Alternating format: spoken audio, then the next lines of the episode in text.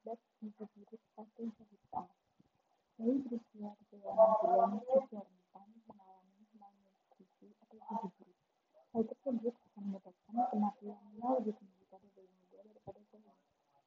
Menurut data Organisasi Kesehatan Dunia (WHO), memperkirakan bahwa 45 persen kematian anak terkait dengan kekurangan gizi. Selain berat badan lahir rendah, diare persisten dan penyakit menduga juga bisa disebabkan pemberian makan yang kurang optimal. Terutama pemberian asi penyebab gizi buruk pada balita salah satu penyebab lain dengan gizi buruk adalah kelahiran prematur. Bayi yang prematur biasanya belum mengembangkan keterampilan yang dibutuhkan untuk menetas. dan mengenal